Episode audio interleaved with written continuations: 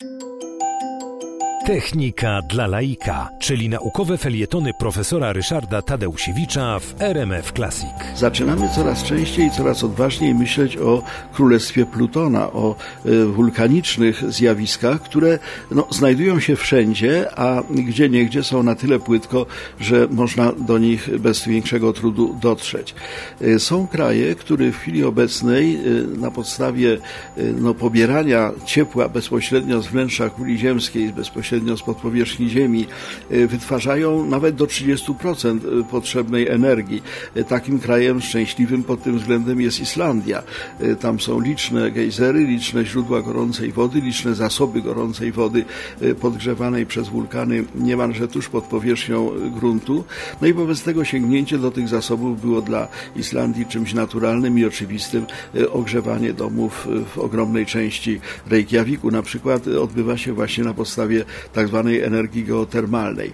Również Filipiny są krajem, w którym no, blisko 30% całego zapotrzebowania energetycznego pokrywa się ze źródeł typu y, podziemne ciepło wytwarzane przez wulkany, wytwarzane przez gejzery.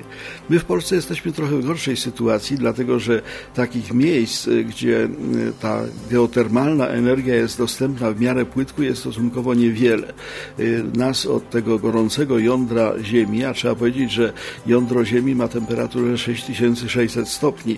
To jest ogromna temperatura, dlatego że powierzchnia Słońca, ta, która dostarcza nam energii w momencie, kiedy Słońce świeci na Ziemię, ma temperaturę zaledwie 5500 stopni. Tam jest 6600. Wobec tego to, co mamy pod stopami, to jest naprawdę zasób ogromnej energii.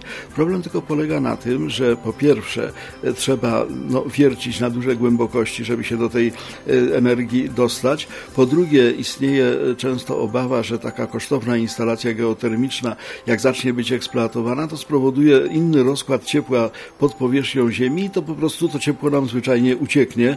Okaże się, że obszar takiego odwiertu będzie schłodzony. No i wreszcie niebezpieczeństwo polega na tym, że tam pod ziemią, poza potrzebnym nam ciepłem, jest e, również bardzo wiele różnych związków chemicznych e, no, szkodliwych, w tym także radioaktywnych. W związku z tym e, musimy z dużą ostrożnością do tego podchodzić. Niemniej jednak e, pracownicy naukowi, badacze e, coraz śmielej mówią i myślą o tym, że e, trzeba by było właśnie do zaspokojenia zapotrzebowania na energię sięgnąć do źródeł podziemnych i chyba będziemy to już niedługo robić.